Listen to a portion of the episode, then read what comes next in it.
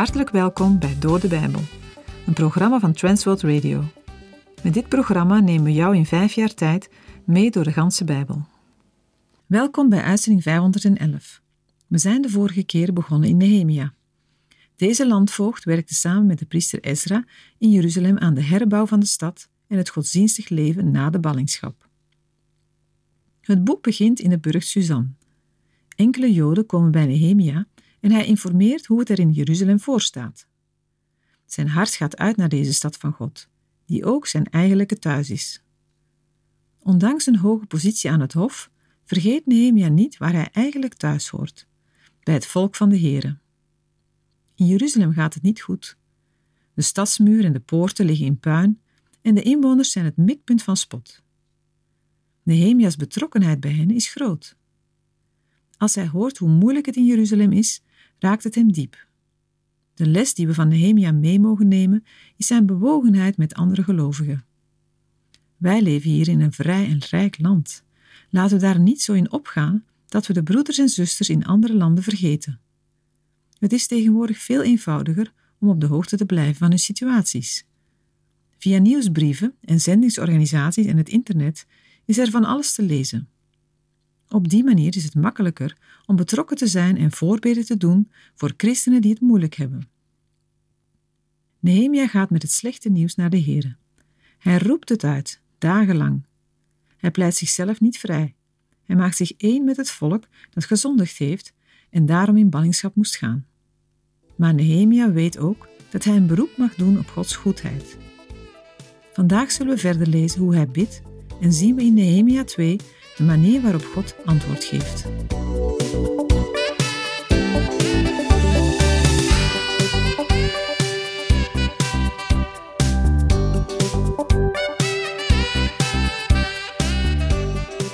In de vorige uitzending hebben we gelezen dat, net als bij Ezra, het trouwen van Nehemia uitloopt op een gebed. We hebben in de eerste versen van Nehemia een man ontmoet die leeft met de Heer. Hij bidt tot de God van de hemel. Hoewel hij God niet kende zoals wij hem mogen kennen, namelijk als vader, bidt hij tot iemand die hij kent, tot iemand van wie hij weet waar hij woont. Nehemia voelt zich medeverantwoordelijk voor de daden van Israël en zijn familie. Hij bidt vurig en doet tevens beleidenis van zonden. Nehemia 1, versen 7 tot en met 9. Wij hebben het grondig bij u verdorven. Wij hebben de geboden, de verordeningen en de bepalingen, die u aan uw dienaar Mozes geboden hebt, niet in acht genomen. Denk toch aan het woord dat u uw dienaar Mozes geboden hebt. Als u ontrouw bent, zal ik u overal onder de volken verspreiden. Maar als u zich tot mij bekeert en mijn geboden in acht neemt en die houdt, al bevonden uw verdrevenen zich aan het einde van de hemel, vandaar zal ik hen bijeenbrengen en hen brengen naar de plaats die ik gekozen heb, om daar mijn naam te laten wonen. In zijn samenvatting van Deuteronomium 30, versen 1 tot en met 4, bepleit Nehemia dat de Heere na de voltrekking van de straf weer genadig zal zijn en zijn volk laat terugkeren uit de ballingschap. In geval van bekering mogen de verstrooide Israëlieten terugkeren naar de plaats die de Heere heeft gekozen, om er zijn naam te laten wonen. Met de plaats die God heeft uitgekozen, wordt verwezen naar Deuteronomium 12. We lezen in Deuteronomium 12, versen 4 tot en met 7 het volgende. U mag tegenover de Heere uw God niet doen zoals zij, maar naar de plaats die de Heere uw God uit al uw stammen zal uitkiezen, om zijn naam daar te vestigen. Naar zijn woning moet u vragen en daarheen komen. Daarheen moet u uw brandoffers brengen, uw slachtoffers, uw tienden, de hefoffers van uw hand, uw gelofteoffers, uw vrijwillige gaven en de eerstgeborenen van uw runderen en van uw kleinvee. En daar moet u voor het aangezicht van de Heere uw God eten en u verblijden, u en uw gezinnen, over alles wat u ter hand genomen hebt en waarin de Heere uw God u gezegend heeft. Nehemia 1 vers 10 Zij zijn toch uw dienaren en uw volk dat u verlost hebt door uw grote kracht en door uw sterke hand. Nehemia kent het hart van God. God heeft te veel voor dit volk gedaan om zich nu niets van hen aan te trekken. Israël is een volk dat al eerder is verlost. De Heere heeft hen vele eeuwen geleden verlost uit Egypte. Maar ook recenter, al was het slechts een overblijfsel, heeft hij zijn volk bevrijd uit de ballingschap. Nehemia 1 vers 11 Och Heere, laat uw oor toch opmerkzaam zijn op het gebed van uw dienaar en op het gebed van uw dienaren, die er vreugde in vinden uw naam te vrezen. Doe uw dienaar vandaag toch slagen en geef hem barmhartigheid bij deze man.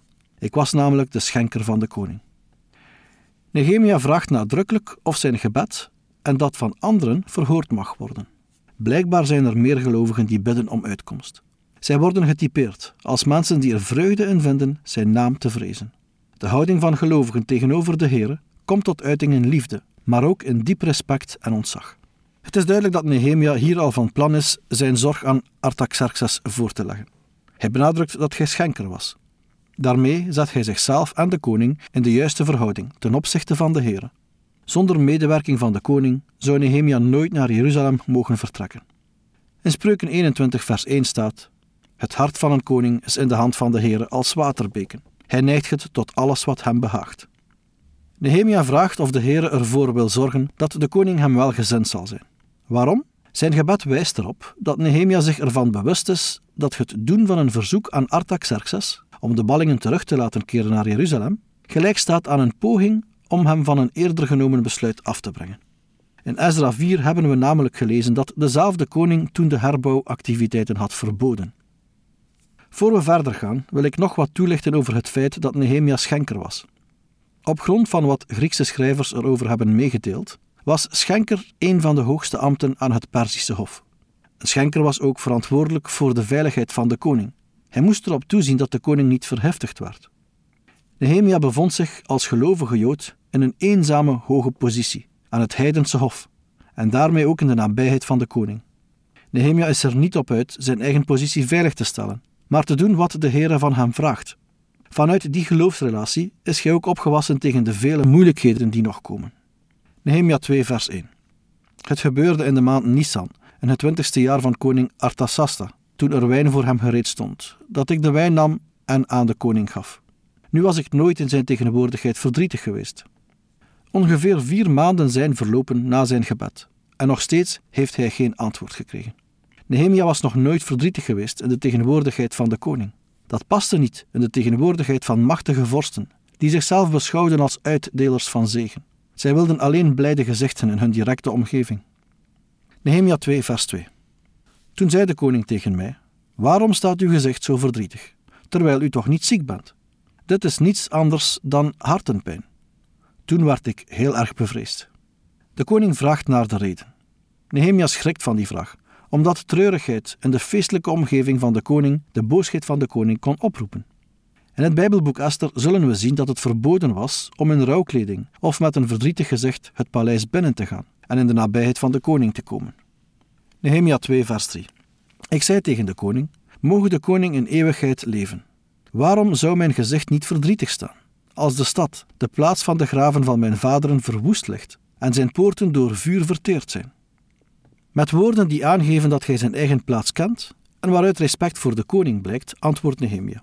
Hij maakt de koning deelgenoot van wat zijn hart zo bezighoudt en wat op zijn gezicht te lezen staat. De Perzische koningen werden begraven in rotsgraven, in de vorm van een huis. In het oosten was er veel respect voor de graven van voorouders, met name bij vooraanstaande families. Blijkbaar behoorde Nehemia tot een geslacht dat in Jeruzalem woonde. Uit tactische overwegingen zegt Nehemia nog niet meteen om welke stad het gaat. Nehemia 2, versen 4 tot en met 6. De koning zei tegen mij: Wat verzoekt u dan? Toen bad ik tot de God van de hemel en zei tegen de koning: Als het de koning goed dunkt, en als uw dienaar u welgevallig is, dat u mij dan naar Juda stuurt, naar de stad met de graven van mijn vaderen, zodat ik die weer op kan bouwen. Toen zei de koning tegen mij, terwijl de koningin naast hem zat: Hoe lang zal uw reis duren en wanneer zult u terugkeren? Het was goed in de ogen van de koning. Hij liet mij gaan toen ik hem een bepaalde tijd opgegeven had. Het wordt heel spannend voor Nehemia, en voordat hij antwoord geeft, bidt hij in stilte tot de Heer. Dat vind ik zelf ook steeds een bemoedigende gedachte. Dat we op elk moment, voor elke moeilijke situatie, altijd en overal vrij tot God mogen bidden. De koning gaat goedwillend op de woorden van Nehemia in en vraagt wat zijn verzoek is. Door het noemen van Juda wordt het verzoek van Nehemia al concreter. Maar de naam van de hoofdstad Jeruzalem is nog niet genoemd. De nadruk ligt op het verdriet en de schaamte van Nehemia en zijn volk, niet op de politieke gevoelige situatie. In het Oude Testament neemt de theocratie een belangrijke plaats in. Israël is een afgezonderd volk dat onafhankelijk een eigen land bewoont en daar Gods wetten in praktijk kan brengen. De meeste Bijbelgedeelten zijn geschreven vanuit het ideaal van Israël als zelfstandige staat binnen een verbondsrelatie met de Heer, ook al is dat hoge ideaal niet altijd gehaald. zelfs in de ballingschap was de focus de hoop op herstel en terugkeer. Ook al was het een hoop voor een etnische minderheid binnen een grote macht.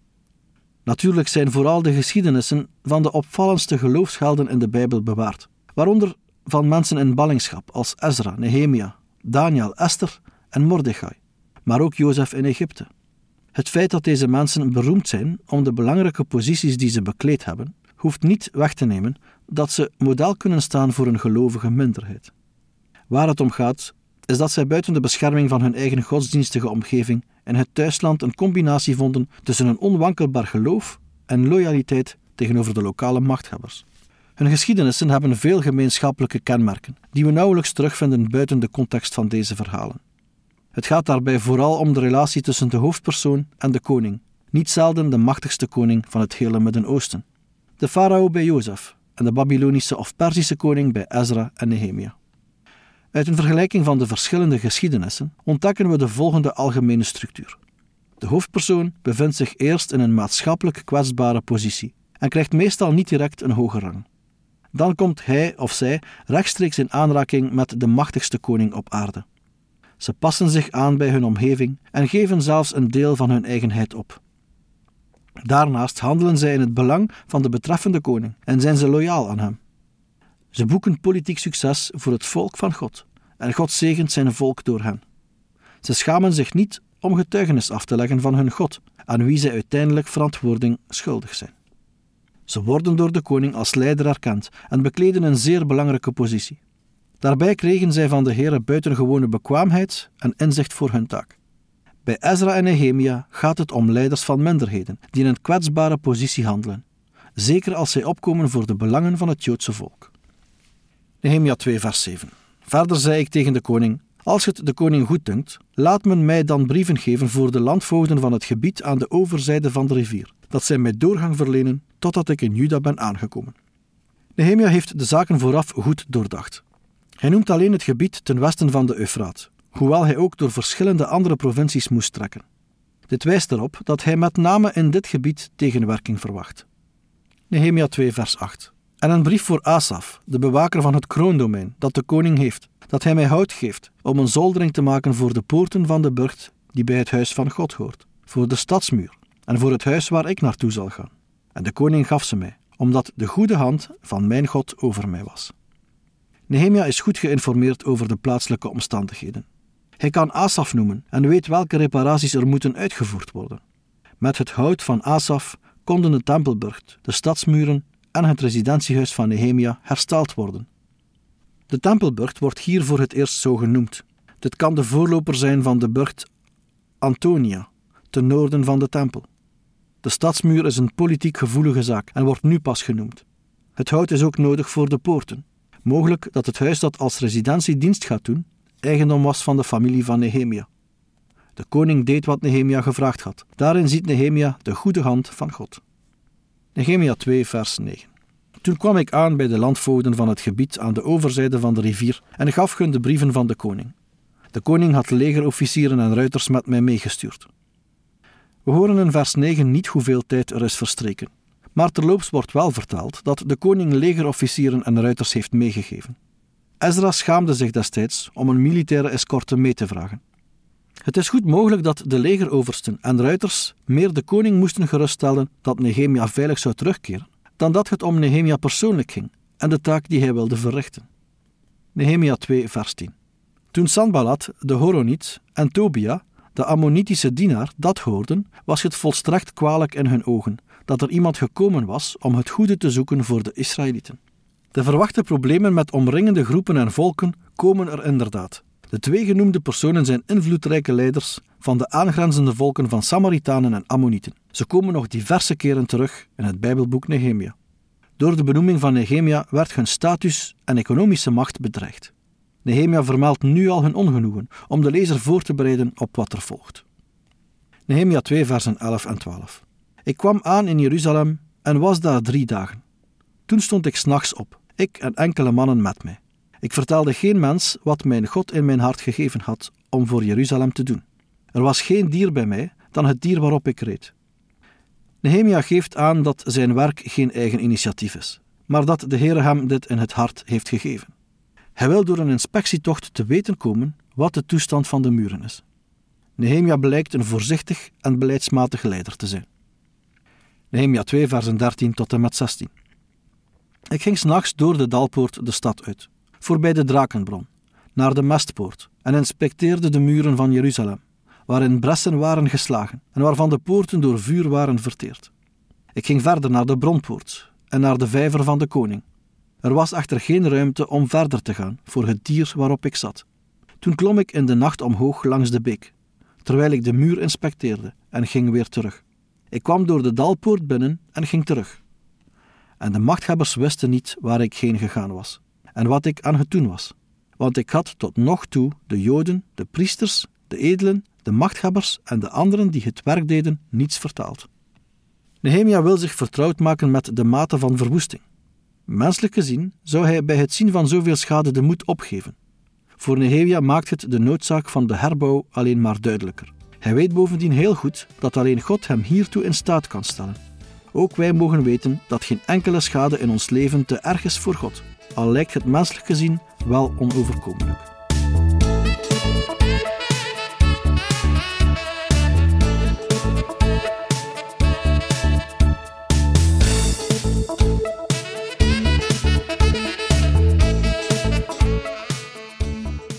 U heeft geluisterd naar Door de Bijbel, een programma waarin we in vijf jaar tijd de ganse Bijbel bespreken. De basis voor het programma is de Bijbelstudiereeks van Dr. Vernon McGee, Through the Bible. Deze werd in het Vlaams vertaald en bewerkt door Transworld Radio. U kan elke werkdag naar een nieuwe uitzending luisteren en u kan ook steeds voorbije uitzendingen opnieuw beluisteren of downloaden. Als u wilt reageren op deze uitzending of u heeft vragen, dan kunt u uiteraard contact met ons opnemen. U kan een e-mail sturen naar doordebijbel.twr.be. Verder kan u op onze site terecht, www.twr.be, voor meer info en het beluisteren van onze overige programma's. Dit programma werd gepresenteerd door Patrick Couchement en Anne Notenboom. Wij danken u voor het luisteren en graag tot een volgende keer.